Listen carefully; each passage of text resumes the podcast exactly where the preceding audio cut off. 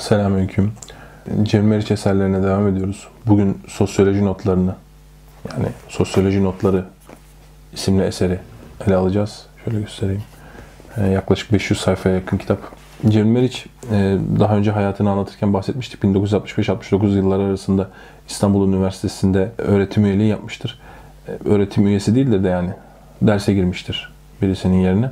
Bu süreç içinde ders notları ve konferanslarından 1974 sonrası konferanslarından oluşan bir metindir bu elimizdeki. E, metnin esasının e, Rektör Kemal Alemdaroğlu döneminde e, tahrip edildiği daha önceki Ümit Meriç'in kitabını anlatırken bahsetmiştik. E, oradan geri kalanlardır bunlar. E, normalde Ümit Hanım o tahrip edilen kısmın e, her kelimenin yazımı şeklinde çok derli toplu bir şey olduğunu söylüyor. E, bu eser maalesef çok derli toplu değil. Konuşma üslubu e, hiçbir konu tam başlamış, başlangıç ve bitiş halinde değil. Daha ziyade aforizmalar şeklinde okumak isteyen için e, faydalı bir eser. Eseri Ümit Hanım derlemiş. E, Cemil için bu 1965-69 arasında verdiği sosyoloji dersleri esnasında sosyoloji esas ilgisi uyanmıştır. Ondan evvel neredeyse salt edebiyatçıdır. E, hatta buna Mücan Cündoğlu da değinmiştir. Esas sosyoloji, sosyal meseleler olan ilgisi bu derslere, çalışmaları, hazırlıkları esnasında artmıştır ve sıklaşmıştır zaten. Sosyal ilimlerle uğraşan her insanın alacağı ilk ders sosyal ilimlerin relatifliğidir. Burada sosyal ilimlerden kastı nedir? Psikoloji, sosyoloji, sosyal psikoloji, antropoloji ve hatta evrim ve benzeri kuramların sosyal yorumları bunların hepsi relatiftir, e, görecelidir, yoruma tabidir. Çok da bilim değildir. Yani bilimsel yönü vardır ama hepsi bilimsel değildir. Bunu bilmek gerekir. Ve bunu kabul etmeyen de neredeyse hiçbir insan yok. Çok bağnaz bir e, kesim dışında yani tek derdi e, belli şeylere düşmanlık etmek olan bilim adamı kisveli tiplerin dışında buna itiraz edecek neredeyse çok az insan vardır. Sayfa 30'da güzel bir şey yapmış. Bir kadını iyi tanımak, bütün kadınları tanımaktır der Napolyon. E, bu söz tabii ki benim biraz genişleteceğim bir söz. Bir kadını iyi tanımak gerçekten bütün kadınları iyi tanımaktır. Çünkü bir grubun bir üyesini çok iyi bilen insan o grubun genel mahiyetlerini çoğunlukla kavrar. Bu mesela düşünce içinde geçerlidir. Mesela bir komünist o komünizmi gerçekten iyi kavradıysa faşizmi de daha kolay anlar, İslam'ı da daha kolay anlar vesaire. Çünkü düşüncenin özellikleri yaklaşık çoğu şeyde birdir, iklimde birdir. Ee, diğer düşünceleri daha kolay kavramanı sağlar bu. Bu yüzden e, bir branşın çok ciddi bir şekilde alim olmak iyidir. O diğer branşları da daha kolay anlamanı sağlayacaktır. E bu Arap atasözü gibi yani. Yani her şeyden bir şey öğren, bir şey tam öğren. Sayfa 48. Bugün 30 sene evvelini hür olarak söyleyemeyen insan nasıl tarih yazar? Hür olmaya alışamadık biz. Yakın tarih hakkında hüküm vermek kanunen yasaktır. E burada tabi Celal Bayar döneminde yani Adnan Menderes Celal Bayar Demokrat Parti döneminde e, yasamaya konulan Atatürk'ü koruma kanununa atıf, atıf yapıyor. Yakın tarih hakkında hüküm vermek kanunen yasaktır. Öylesine suistimal edilmiştir ki yani tenkit etmek hakaret gibi. Atatürk'ü koruma kanunu tenkit edilemez. Bir şeye geldi ama e, tarihin figürü yani 1920'den başlayıp bugüne kadar gelen sürecin en önemli figürü. E, bu şahıs hakkında hiçbir tenkit yazı yapılmadan nasıl tarih araştırması yapılabilir? Böyle bir kanun varken nasıl tarih yapılabilir Türkiye'de? İlginç. Sayfa 67 diyor ki Hristiyanlık doğduğu zaman teslisi yoktu. Azizler mitolojinin tanrılarıdır. Bu benzetme önemlidir. Hristiyanlıktaki aziz inancının bilinmesi e, İslam'ı anlamaya çok faydalı olacak. Takriben kabaca söyleyeyim yani bu meseleyi daha uzun anlatacağım ama Hristiyanlıktaki aziz inancı bizdeki evliya inancına çok çok benzer. Ve bu mitolojideki tanrı unsurlarına da çok benzer. E, hatta bu benzetmeyi Şah Velullah Devlevi mesela tefsir usulü kitabı olan El Fevzul Kebir'de yapmıştır. İnşallah o kitabı okurken size tanıttığım zaman bunu göreceksiniz. E, bu benzetmede çok haklılık payı var. Saygın A sayfa 67'de şöyle bir söz söylemiş. Politeizme karşı çok sert bir cihat açan Müslümanlık, politeizm yani putperestlik demek, etrafında herhangi bir düşünce fidanının boy atmasına engel olur. Net bir şekilde hatalıdır. Kur'an'ın Kur'an bütün endişeleri cevaplandırmaktadır. Sad bin Vakkas veya Hazreti Ömer'e atfedilen şu cümle. Bütün kitaplara yakınız. İçindekiler ya Kur'an'a uyar, o zaman en güzel ifadelerini Kur'an'da bulmuşlardır. Ya uymaz, o zaman zaten yakılması gerekir. Bu fikri ifade etmiyor mu? Bu söz sahip bir nakli olduğunu sanmıyorum daha doğrusu öyle söyleyeyim. E, genelde İskenderiye Kütüphanesi'nin yakılması meselesi içinde geçen bir söylemdir. İskenderiye Kütüphanesi'nin yakılması Hazreti Ömer döneminde olmuştur. Bu sözü söylemiştir ve İskenderiye Kütüphanesi yakılmıştır gibi bir iddia var. Bu çok yaygın. E, halk arasında daha doğrusu. Müsteşrikler bunu gündem tutmaya çalışıyor. Hazreti Ömer dönemine geldiğinde İskenderiye Kütüphanesi'nin içinde hiçbir şey kalmamıştı. E, bununla ilgili uzun yazılar var internette de açıklamalarını bulabilirsiniz nakillerle. E, fakat Roma döneminde zaten 300'lü yılların sonuna doğru İskenderiye Kütüphanesi'nden geri hiçbir şey kalmamıştır. Hristiyanlığın saldırısına uğramıştır. Bu tarihi vesikalarla sabittir. Bu rivayet de 12. yüzyılda filan kes bir adamın uydurmasıdır. Ee, daha eski nakli yoktur. Sayfa 78'de demiş ki Fransızlar bizim Osmanlılara karşı aldığımız durumu hiçbir zaman almamışlardır. Fransa'nın kral olarak başına geçirdiği zat idam ettiği kralın kardeşiydi ve Fransa'nın düşmanları ile birleşmişti. Ama Fransa onların hepsini kendi evladı sayar. Fransa'nın bizden farkı nankör olmayışı. Tabi Osmanoğullarının Türkiye'den ihracı meselesine yönelik bir cümle. Demiş ki Cemil Meriç, gerçekten Müslümanlığın devam etmesini isteyenler için Kur'an'ın Türkçe'ye çevrilmesi tehlikelidir. Ama ister istemez edilecektir. Kur'an sadır olmaya başladıktan sonra İmra Kays şiirlerini Mekke kapısından almıştır.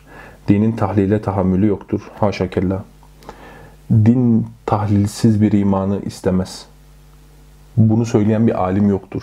Bunu söyleyen bir ayet ve hadis yoktur. Tahkik edilmemiş bir iman istemez din. Dinle akıl ayrıdır. Açacağım bunu. Din bir coşuştur, bir ürpertidir. Cemil Meriç mesela bu pasajı 1965 veya 66'da yazmış herhalde. Öyle bir din algısı var ki mesela ilk tanıtım videosunda ben bundan bahsetmiştim. Algı tamamen batılı. Yani Hristiyan bakışıdır bu. Din bir coşuştur, bir vecddir, gönül halidir, coşkudur, bir ürpertidir ve akılla hiçbir alakası yoktur. Sanki konuşan karşında tertülyen. İlim Tanrı'nın varlığını veya yokluğunu ispat edemez. Bu bakımdan, ilim bu bakımdan agnostiktir. Çok mesela subjektif bir yorumdur. Eder diyen çoktur. İlimle din arasında hiçbir uzak yakın münasebet yoktur. Birçok ilim adamları dine inanır. Din bir ihtiyaçtır. Bu görüşler Dücani Cündoğlu'nu çok etkilemiştir. Yani Dücani'nin videolarını izlediğiniz zaman sadece salt bir görüşler etrafında döner. Bu konuda söylenebilecek her şeyi demiş, devam etmiş pasaj. Şimdi bu dinle işte aklın yeri yok, din inanıştır, akıl başka bir şeydir, bilim başka bir şeydir, felsefe başka bir şeydir. Bu tanımlar çok e, oynak kelimeler etrafında yapıldığı için enteresan geliyor. Ama din şöyle bir sahadır. Din sadece gayb hakkında konuşmaz. Yani gayb denen görünmeyen hale, melekler hakkında, cennet hakkında konuşmaz. Reel gündelik hayatımız hakkında da konuşur. Nasıl akılla bir alakası olmaz? Yani İslam faizle alakalı konuşur. Nasıl bunun akılla bir alakası olmaz? Yani bu pasajın bir yere basar bir tarafı var mı yani? İslam faiz hakkında konuşur. Nasıl akılla alakası olmaz? Nasıl bir coşuştur yani faizle alakalı konuşmak? Belli alışveriş tiplerini yasaklar. Nasıl bu bir coşuştur da akılla bir alakası yoktur? Bu tamamen Hristiyanlıktır. Hristiyanlıktan öğrenilmiş ta- tanımların din diye genişletilmesidir. Ee, ve tamamıyla hatalıdır. Yani hiçbir elle tutulur bir şey yok. Tartışılacak bir şey bile yok yani. Doğrudur yanlıştır. Mesela İslam akla uymaz dese bu bir yargıdır en azından bir şey ifade eder ama akılla hiç alakası yoktur. İslam'a dair bakış açısı biraz şey. Belki de bundan tövbe etmiştir. Ve değiştirmiştir bilmiyorum. Evet sayfa 109'da demiş ki her sosyolog bir davanın bir dünya görüşünün adamıdır. Ben bunu eklerim her psikolog da öyledir. Yani bu eserde faşizm, komünizm vesaire hakkında dağınık dağınık çok fazla pasajlar var. Aslında bütün eserlerinde böyle bir Cirmeş'in dağınıklık var. Deneme tarzında olduğu için böyle bir dağınıklık var. Ne bileyim mesela bir çalışma yapılabilir mi? Bunlar konu bazlı arka arkaya getirilebilir mi? Tekrarlar azalmış olur. Zor bir iş ama yapılsa sanki hoş olur. Sayfa 135'te demiş ki tek parti devri şiiriyeti olmayan bir faşizmdi. Ya mesela şu yargı tarzı da şey değil. Mesela diyor ki Tanzimat'tan bugüne kadar Türk aydını hangi sınıfın adamıdır? Sınıflar teşekkül etmiş midir? Yani öyle bir altyapı üzerinden sanki konuşuyor ki yani sosyalist metodu içselleştirdiği için sınıf yoksa düşünce yok. Bundan daha önce bahsetmiştik bu görüşünden. Sınıf yoksa düşünce yok. E, bana çok mesela şey geliyor.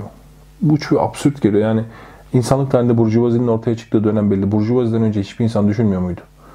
Yani atıyorum Platonos veya işte Azus Augustinus bunlar hangi sınıfın temsilcisi? Zaten toplum feodaldi.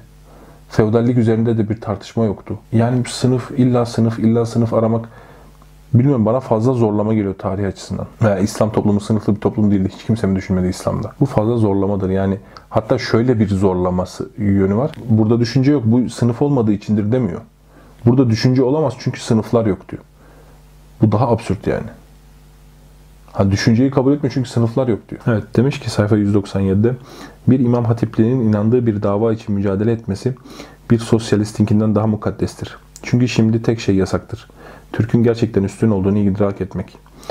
Osmanlı tarihinin şerefli bir tarih parçası olduğunu Abdülhamid'in büyük bir hükümdar olduğunu söylemek yasaktır. Bugün sosyalizmin önü açıktır. Ama gerçek bir Türk sosyalizminin kurulması için evvela Türk insanının küçüklük kompleksinden kurtulması lazımdır. Yani Cevmer için çok Ötüken'den kitaplarının basılmasıyla sağa yanaştığı iddiası Dücane'nin kitabında tekrar onu bahsetmiştik. Çok doğru olmadığını gösterir. Mesela yani 1968 yılında yazılmış bir yazı. Bu ülkenin Ötüken'de basılmasından çok daha önce ki süreçte de Cevmer için e, İslam'a sağ Müslümanlara saygısı var. En azından orta halde ve hani Müslümanlar bu konuda haklı olduğunda Müslümanları tutacak durumu var. Ha, güzelmiş sayfa 205. İktidarda bulunan sınıflar hali hazırı ideal olarak gösterirler. Hal ezeli bir hakikattir. E, bugünkü demokratları buradan tanıyabilirsiniz. Demokrasiyi en çok benimseyenler, demokratik düzeni, bu sistemi en çok benimseyenler, bu sistemin en çok ekmeğini yiyenlerdir. Çöken sınıflar geçmişteki bir altın çağdan bahsederler ve onu yeniden diriltmeye çalışırlar. Yükselen sınıflar ise bir ütopyaya sahiptirler. Bizim İslam toplumu hayalimiz gibi. Osmanlı hayali mesela çöken sınıfların şeyidir. Çöken bir sınıftır Osmanlı'yı hayal eden topluluklar. Biz Osmanlı'yı hayal etmemeliyiz. Artık bir İslam toplumu hayal etmeliyiz. Bütün halinde İslam olan bir toplum. Çok hoşmuş bu kısım. Demiş ki sayfa 210'da sosyolojinin en büyük keşiflerinden biri sosyolojinin bir ideoloji olabileceğini kabul etmesidir. Yani ideolojik olduğunu kabul etmesidir. Evet, güzel. Sayfa 244'te diyor ki kilise, burada kiliseden kastı Hristiyan kilisesi değil, kiliseleşmiş düşünceyi kastediyor. Kilise düşünceyi tatbik edebilir. Yani uygulayabilir fakat geliştiremez. Düşünce kiliselerin dışında gelişir. Marksizm kilise olmadığı zaman düşünceydi. Bu sadece Marksizm için değil, bütün düşünceler için geçerlidir. Bu yüzden genelde akademilerden çok büyük yeni icatlar, düşünceler çıkmaz. Aynı şeylerin tekrarıdır. Kapalı organizmalar içinde insan özgürlük bulamadığı için yeni fikirler ortaya atamaz. Genelde çok büyük yenilikler akademilerden ortaya çıkmaz bu yüzden. 272 hmm, demiş ki 1925'te okuma yazma %25 imiş. UNESCO'nun rakamlarına göre bugün de %25 harf devrimi açısından tenkitlerini de şey yapmış. Ve son kısmımız sosyalizm e, tabi Batın tarihini ele almış, uzun uzun gelmiş ve demiş ki sosyalizm bunun karşısında tamamen müstakil olan İslami dünya görüşü var.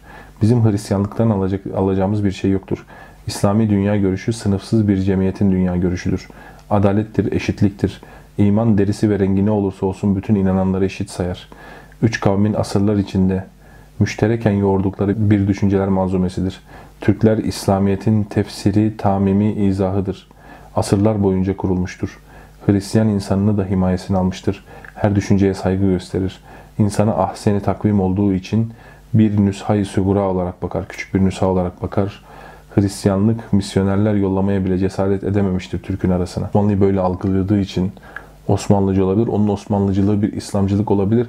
Aynen o dönemin genel atmosferinde olduğu gibi daha evvelinde bundan bahsetmiştik. Ee, o dönemin Osmanlıcılığının bir İslamcılık anlamına gelmesi, İslamcılığı söylemenin yasak olmasından kaynaklanması sebebiyle olduğu gibi. Ve ahiru davana enelhamdülillahi rabbil alemin.